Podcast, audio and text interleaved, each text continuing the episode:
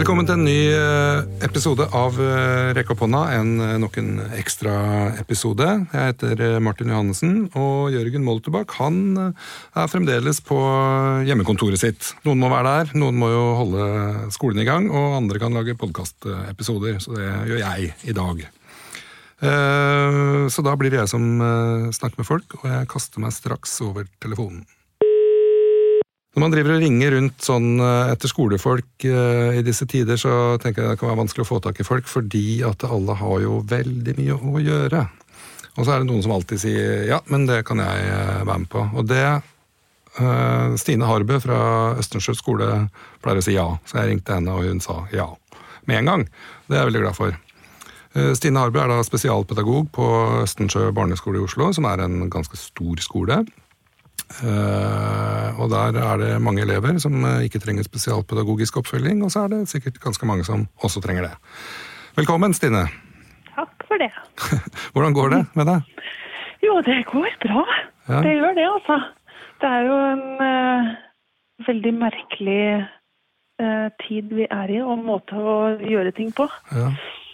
Dette her. Det er riktig det du sa, at det er mange som trenger, og mange som ikke trenger, på en måte. Men eh, jeg tror alle, både voksne og barn, føler litt ekstra behov for uh, uh, ja, tid og Mm. omsorg og alt mulig som blir litt annerledes nå da, enn vi er vant til. Ja. Jeg leste her, det var vel i VG her denne uka her, at uh, hun, altså direktøren i Statped, Tone Mørk, var bekymra. For, eh, for elever, så er det altså elever som har eh, spesialpedagogiske behov, da, for å si det sånn. Eh, deler du den bekymringen, eller? Mm, Både ja og nei, vil jeg vel si til det. Noen av elevene er det selvfølgelig litt utfordrende å, å nå fram til. Litt sånn avhengig av liksom hva slags muligheter de har for internett og PC og telefoner og alt. For nå går jo alt digitalt. Og det er, Mm. er jo ikke sånn at alle hjem har så mye kapasitet på data eller på internettilgang i det hele tatt. Og så er det jo ofte da, i de spesialpedagogiske tilfellene at det er flere barn hjemme. Som gjør at det blir litt kriging om det. Men um, jeg opplever jo også at en stor prosentandel av de elevene som har spesialpedagogikk, er veldig flinke, i hvert fall snakker for meg selv da, og Mm. mine elever, å ta kontakt og si 'dette får jeg ikke til, dette skjønner jeg ikke'. Mm. Ja, for, jeg, for jeg tror hun hadde en sånn, på en måte en sånn bekymring som gikk eh, egentlig litt utenfor det tilbudet som, som du og skolen og alle andre spesialpedagoger gir til sine elever, men at eh, den hjemmedelen av det da, kunne bli litt, slå litt feil ut, fordi det er ikke nødvendigvis at man har spesialpedagogisk kompetanse bare fordi man har et barn med Nei, spesialpedagogiske ja. behov. Mm. Ja. Så, Ja, det kan jeg vel for så vidt også være enig med henne i. Og det er jo litt utopi å kreve at foreldrene skal kunne en, tilrettelegge noe i skolen, fordi de er ikke på skolen sammen med barna og har en annen relasjon til dem. Men vi har jo også mm, som skoler sagt at den viktigste jobben vi gjør, i hvert fall i starten av dette her, og de første par ukene, så at vi må bare senke skuldrene. mm, For det er jo mange som har snakka om, inkludert eh, vi som jobber i skolen og de som ikke jobber i skolen, så at det er rimelig høyt tempo, og det er forventninger og krav som stilles som Jeg tenker at det hele verden er i unntakstilstand. Det er ikke sånn at det bare er liksom én skole som er lagt ned, på en måte. Så vi må gi oss tid til å venne oss til det vi har blitt kasta inn i på et vis også. mm. For jeg tenker jo noe Når høyere forventningspresset er, jo vanskeligere er det noen gang også å klare å nå opp til det. da. Ja, ikke sant? Men jeg tenker også at ambisjonsnivået hos hjemme... Hos, eller Foreldrenes ambisjonsnivå kan jo også variere ganske mye. Ja, ja, helt klart. Og så er det jo bare det at elevene skal få oppfølging, men så skal de selv også ha, gjøre sin jobb fra hjemmekontor. Ja, Så det er mange brikker med i et spill her. ja absolutt. Eh, og, og kanskje når læreren sender fra seg en tanke om en plan, og så er det liksom ikke kanskje åpna for at foreldrene kan si men dette vet jeg ikke helt om vi får til. Og så blir ikke det snakka om. Og så, sånn som du nevner da, at ambisjonsnivået også er ganske høyt. For så tenker jeg men herregud, den planen her må vi jo få til. Ja. Og så ja, blir det liksom litt sånn manglende kommunikasjon på og, og det å tåle å være sårbar nok til å si men vi får det ikke til. Ikke sant? Og det tror jeg du har eh, helt rett i, at det må vi tørre å si. Men det syns jeg egentlig vi burde skulle tørre å si i en, si, en normalsituasjon også. Ja, ja, ja. ja. Helt Fordi- klart. For vi trenger på en måte å være enige om ambisjonsnivået. Jeg har jo hørt om, ja, om barn med store spesialpedagogiske utfordringer, altså diagnoser som er både litt sånn fysisk og, og psykiske. Ja, det bor i et hjem hvor det er veldig høye forventninger. Da. Mm. Eh, Og det som skaper et press og stress som gjør at du egentlig yter dårligere enn du ville ha gjort. Så det, Ja. det er veldig kjipt. Ja, ja. ja, det er nettopp det. det er liksom, når det stress og presset kommer oppå, så vil man ikke klare å nå opp. For da mister du liksom litt gangsynet på hva det er du egentlig skal gjøre. Men jeg tenker at hvis vi som lærere skal forvente at eh, foreldrene eller barna selv skal kunne si dette får vi ikke til, dette blir for vanskelig, så må vi kanskje istedenfor å sitte på hver vår tue og ønske oss at det skal skje, eller forvente at det burde man egentlig ha sagt, så kan vi åpne opp for det. Helt tydelig å si dette er tankene mine rundt det. Hvis noe er vanskelig, ta kontakt. Ikke sant? Men jeg lurer på, hvordan, helt sånn konkret, liksom, hvordan organiserer du din undervisning nå med dine elever? Mm, Jeg har øh, laget en arbeidsplan som går over hele uka, og så får de tilsendt den på mandag. Mm. Og da sitter jeg ofte, har jeg lest inn også planen mm, som jeg sender til de på lydfil, for det er jo sånn noen ganger at det er noen som ikke klarer eller kan lese godt nok og forstå alle disse tingene som må inn i en plan når du må prøve å i detalj forklare hva de skal gjøre, hvor de skal finne det hen. Så da har jeg liksom lagt opp til at de også kan lytte til det jeg leser og forklarer. Ja. Og så er det jo hele tiden å ha kontakt med elevene og svare på de eh, spørsmål som blir stilt. Eller de sender meg også bilder av ting de har skal gjøre. Bare jeg skjønner ikke denne oppgaven, hva gjør jeg her? Og så kan jeg da forklare. Eh, etter hvert begynt å legge ut noen videoer med litt eh, forklaring av ord og begreper. Spesielt kanskje det, da, for jeg har vært fokus i Oslo-skolen den siste tiden det med ord og begreper. ja.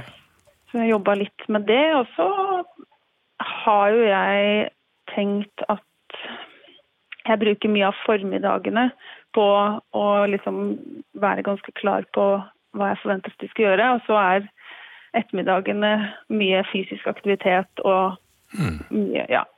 For det, jeg tenker at det er viktig med en balanse, og det er viktig for meg også at de kommer seg ut.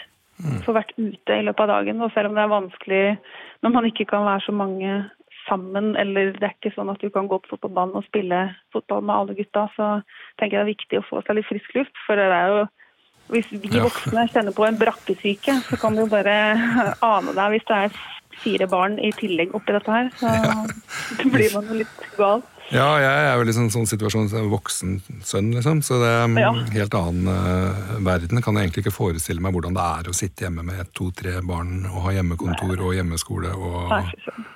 Ja, jeg syns det er bare mer enn nok. For noen av altså. Ja, virkelig. Det skal, jeg skal, tror jeg skal begynne å gå med hatt, jeg. Bare for å Ja. kunne ta det med meg. Ta den av når du går forbi en familie. Ikke sant? Ja. En Sånn kampanje i nabolaget. Ja. Men jeg bare lurte på, er, eh, Du jobber jo sikkert ikke helt sånn alene i et vakuum. Er, er samarbeidet godt på skolen din? Ja, det vil jeg si. Og vi har jo også som lærere blitt kasta inn i Nå må vi snakke med hverandre på det vi bruker Teams i da. Det er jo mange forskjellige varianter av dette her. Men da har vi jo møter som vi sitter i hver vår stue og snakker sammen. Og jeg tror jo nesten tidvis at vi snakker mer sammen nå enn vi gjorde før. Det har jeg hørt og jeg hører jo også flere som sier akkurat det samme. At man Ja, for da er vi jo på en måte Nå sitter vi jo bom stille, da. Ja, kan vi på ikke løpe gjennom, for, gjennom noen klasserom eller skal bare kopiere det eller bare hente det. Nei, vi er faktisk litt stuck. Og så Samtidig så blir det på en måte, selv om vi sitter på hver vår eh, stue eller kjøkken, eller hvor vi nå sitter, hjemmekontor kanskje, så blir det sånn intimt òg, for alle kan liksom se eh, rett hjem til deg. Ja, ja, ja, ja. Det er helt klart. Og så er det liksom, Jeg snakka med en arbeidskollega om det her om dagen, som sa at ja, men nå må jeg jo faktisk ta en telefon, nå må jeg ringe. For nå, før så kunne man kanskje tenke at ja, men jeg ser henne sikkert i forbifarten i morgen, og da kan jeg snakke om det. Men nå er det ikke sånn. Så da må man på en måte ta seg selv litt i det der og ringe og høre hvordan det står til. Litt sånn utenom jobb også. Ja, jeg fikk En helt annen ting. Jeg snakka med en elev på en videregående skole oppe i Steinkjer. Um, og Han satt jo på rommet sitt og hadde jo da fjernundervisning. Og han hadde begynt å re opp senga. For den syns i bakgrunnen, så det syns han var viktig. Da. Så jeg tenkte, det skjer jo, det skjer jo selvfølgelig altså, hva skal jeg si, helt sånn pedagogisk, didaktisk eh, positive ting nå. Men det er, vi er midt i en krise. Det er over 30 000 døde i Europa. Ja, ja, ja. Ikke sant? Det blir stadig flere døde i Norge. Um, vi får snart beskjed om om skolene åpner igjen. Mm. Uh, hva hvis ikke de gjør det? Hva, så, det er mye sånn usikkerhet. da. Men tror du at du klarer, og du og dine kolleger klarer å stå i dette her hvis det blir langvarig, og klarer å stå i det fram til sommerferien? Mm, Ja, jeg tenker jo Ja, det tror jeg nok vi klarer. Og så må man jo avklare litt forventninger eh, hvis det skulle fortsette. Mm. Men jeg ser jo også at selv om mange sier at nå må skolene åpne igjen fordi folk må på jobb, så tenker jeg det er viktig å snakke om hva det innebærer også. For vi har jo en prosentandel elever som er på skolen eh, fordi foreldrene jobber i samfunnskritiske yrker. Mm. Så vi har jo noen på skolen allerede og jobber i turnus og prøver å liksom bare holde oss på avstand det vi har fått de reglene, følge de reglene vi har fått. da. Men det også krever jo ganske mye av oss som voksen. Jeg har jo måttet gå mange runder med meg selv fordi jeg er veldig som person veldig opptatt av å liksom gi de omsorg ved å gi klem og Mm. stryke på hvis noen slår seg, og Mm. være eh, til stede da, ved å være nær også. Mm. Og da, da må man jo snakke om det òg. Hvordan gjør vi det her hvis, hvis det er sånn som det ble sagt, da, at første til fjerde skal tilbake igjen på skolen? Ja, det har jeg tenkt mye på. Det er jo elevgruppa som helt klart trenger mest omsorg via at man er til stede og nær de første skoleårene. Ja, det, Ja, og det er jo Ja. de som klenger mest også. ja, det er det. Vet du. Jeg har jo sånne rundt- og det er jo ja. Jeg har jo langt hår, så jeg pleier å bli fletta Ja, av elever ikke sant? som henger oppi hodet, som tar i på barten. Sant? Det er rett før det er inni nesa, liksom. ja, det er det. Og, det, og de veldig- forventer at det er greit å gjøre. ja. Så jeg tenker det er egentlig Min mening oppi alt dette her er jo at hvis eh, man, sier man åpner for første til fjerde, så er det krise. Ja, faktisk. det tenker jeg også. Ja, jeg er helt enig med deg, og jeg har tenkt mye på det og snakka mye om det. Og så tenker jeg, La videregående elevene få ta eksamen isteden. Ja, De trenger ikke at man er så nær. Da kan man ha tilsyn, for det er en eksamensvakt, liksom. Ja. Men jeg tenker det er eh, Hvis det er sånn at man skal åpne første fjerde, så er vi nødt for å snakke med alle voksne og finne ut av hvordan løser vi det her. Jeg ser ikke på for, for meg at det kommer til å være veldig bra. Nei, ikke eh, heller. Jeg tenker på alt det vi vet om, eh, om eh, smittefare og, Ja. og smittevern og, og sånn, så vil det være galskap egentlig å åpne for, Ja. plutselig åpne Ja. for store menneskegrupper nå. Veldig, veldig rart. Ja, det er veldig merkelig. Jeg leste også, det var vel kanskje i går at det sto i avisa en forside et eller annet sted at Raimond Johansen, altså byrådslederen i Oslo, han sier at Oslo vurderer strengere tiltak. Ja. Og forrige gang vi fikk eh, en beskjed, eller beskjed om at skolen skulle holde stengt eh, til etter påske, så var jo også Oslo ute da dagen før og sa at Oslo holder stengt etter påske. Ja. Og Oslo er episenteret for, for smitten. Det er her det er mest mm. dødsfall, det er her det er flest på sykehus, flest i respirator. Ja. Så det, det blir spennende å følge med på, altså. Men uh, jeg håper ikke det, altså, det er vanskelig, vanskelig å- Jeg håper jo selvfølgelig at det viruset bare skal forsvinne, og at vi skal begynne med normale greier. Kan kunne gå i butikken liksom, når jeg har lyst til å kjøpe Ja. noe.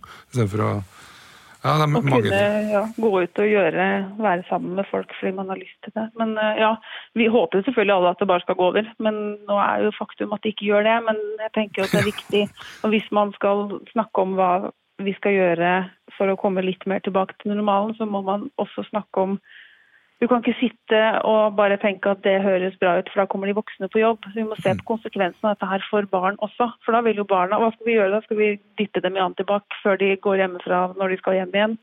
Ja. For da tar jo barna med seg eventuelt det de har med seg av smittebæring til hverandre. Og barn leker jo sammen, de leker jo ikke hver for seg Nei. i, ute i skolegården, liksom. Nei, og mange må reise kollektivt også for å komme seg til skolen. Ja. Så det er ikke, det er ikke noe enkelt eh, svar på det spørsmålet her. Altså. Men ja. jeg tenker altså, det er ikke bare barnas helse, det er egen helse også. Og jeg leser jo også om foreldre som sier at eh, hvis eh, regjeringen eh, sier at skolene åpner igjen etter påske, så kommer jeg til å holde barna mine hjemme. Mm. Ja, jeg har også hørt eh, flere som sier det, og det har jeg høy forståelse for. Men du, du gjør jo mye på din egen skole, men så har du kommet i en litt sånn, si, en absurd situasjon hvor du nå faktisk er konsulent for NRKs sine lineære skole-TV-sendinger? Åssen går det? Ja, det er kjempegøy. Ja. Og veldig, ja, som du sier, absurd. Det er veldig kult. Jeg syns det er kjempegøy. Og det er jo bare å bidra med det man kan. Og så ja, er jo ikke jeg noen TV-ekspert, så jeg bare kommer med noen tanker og ideer rundt hva som kunne være nyttig. Og jeg hører jo at det er flere som benytter seg av tilbudet, så både, både som forelder og som lærer. Ja. Og det er veldig fint, da, for da tenker jeg jo at det får tilpassa så det kan brukes til noe nyttig kanskje på sikt òg, for alt det jeg vet. Ja, ikke sant? Når dette er over også, på en måte. Ja, for jeg tenker litt sånn, Nå er det veldig mange kreative løsninger som folk Mm. kommer med. Skolefolk finner på det ene etter det andre. Hva tenker du, sånn, ta sånn siste spørsmål, liksom, om uh, hvordan eh, kan vi ta med det beste fra, fra fjernundervisninga når skolene åpner igjen? Mm, Det er, ja, ikke sant? Det er som du sier, det er ganske mye som kommer fram. Og mm, vi får jo sett også hva vi er kapable til å få til da, i en sånn situasjon. Og at det ligger enormt mye ressurser i eh, lærere og pedagoger og skoleassistenter og skoleledere over eh, det ganske land som jeg tenker at vi skal prøve å fokusere mer Jeg syns personlig at vi skal fokusere mer på det enn nødvendigvis det akademiske. Alle disse studiepoengene som viser hva vi har klart å lese oss til i løpet av en kort tid og tatt en eksamen på seks timer. tenker jeg, Hva er det vi innehar av kvaliteter som vi kan benytte på tvers? da? Også i forhold til fagfornyelsen, og hvor vi må tenke litt annerledes. Vi må jobbe kanskje mer prosjektarbeider. Hva slags kvaliteter innehar vi? Ja. selv om du er kontaktlærer og har norsk, så kan det hende at du faktisk har noen noe andre kreative sider som du kan benytte mer hvis vi klarer å se hverandre. da, Og fortsette å snakke med hverandre og se hverandre mer også etter dette her.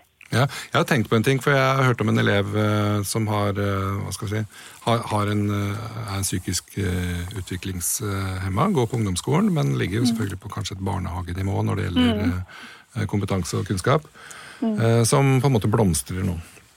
Ja. Eleven får med seg mer av undervisningen når den foregår på en skjerm, enn når den foregår i et Ja. rom, rett og slett.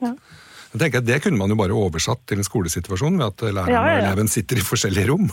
Mm. ja, det tenker jeg også. Og hvis du har eh, langtidssyke eller barn som strever med å være på skolen, så er jo det en ypperlig anledning nå på å ta med seg denne digitale viten vi har fått eh, med inn videre. Og kanskje de da, hvis de er dårlige eller ikke klarer å komme seg på skolen, så kan man jo gi dem muligheten til å få med seg noe av undervisningen gjennom en PC-skjerm.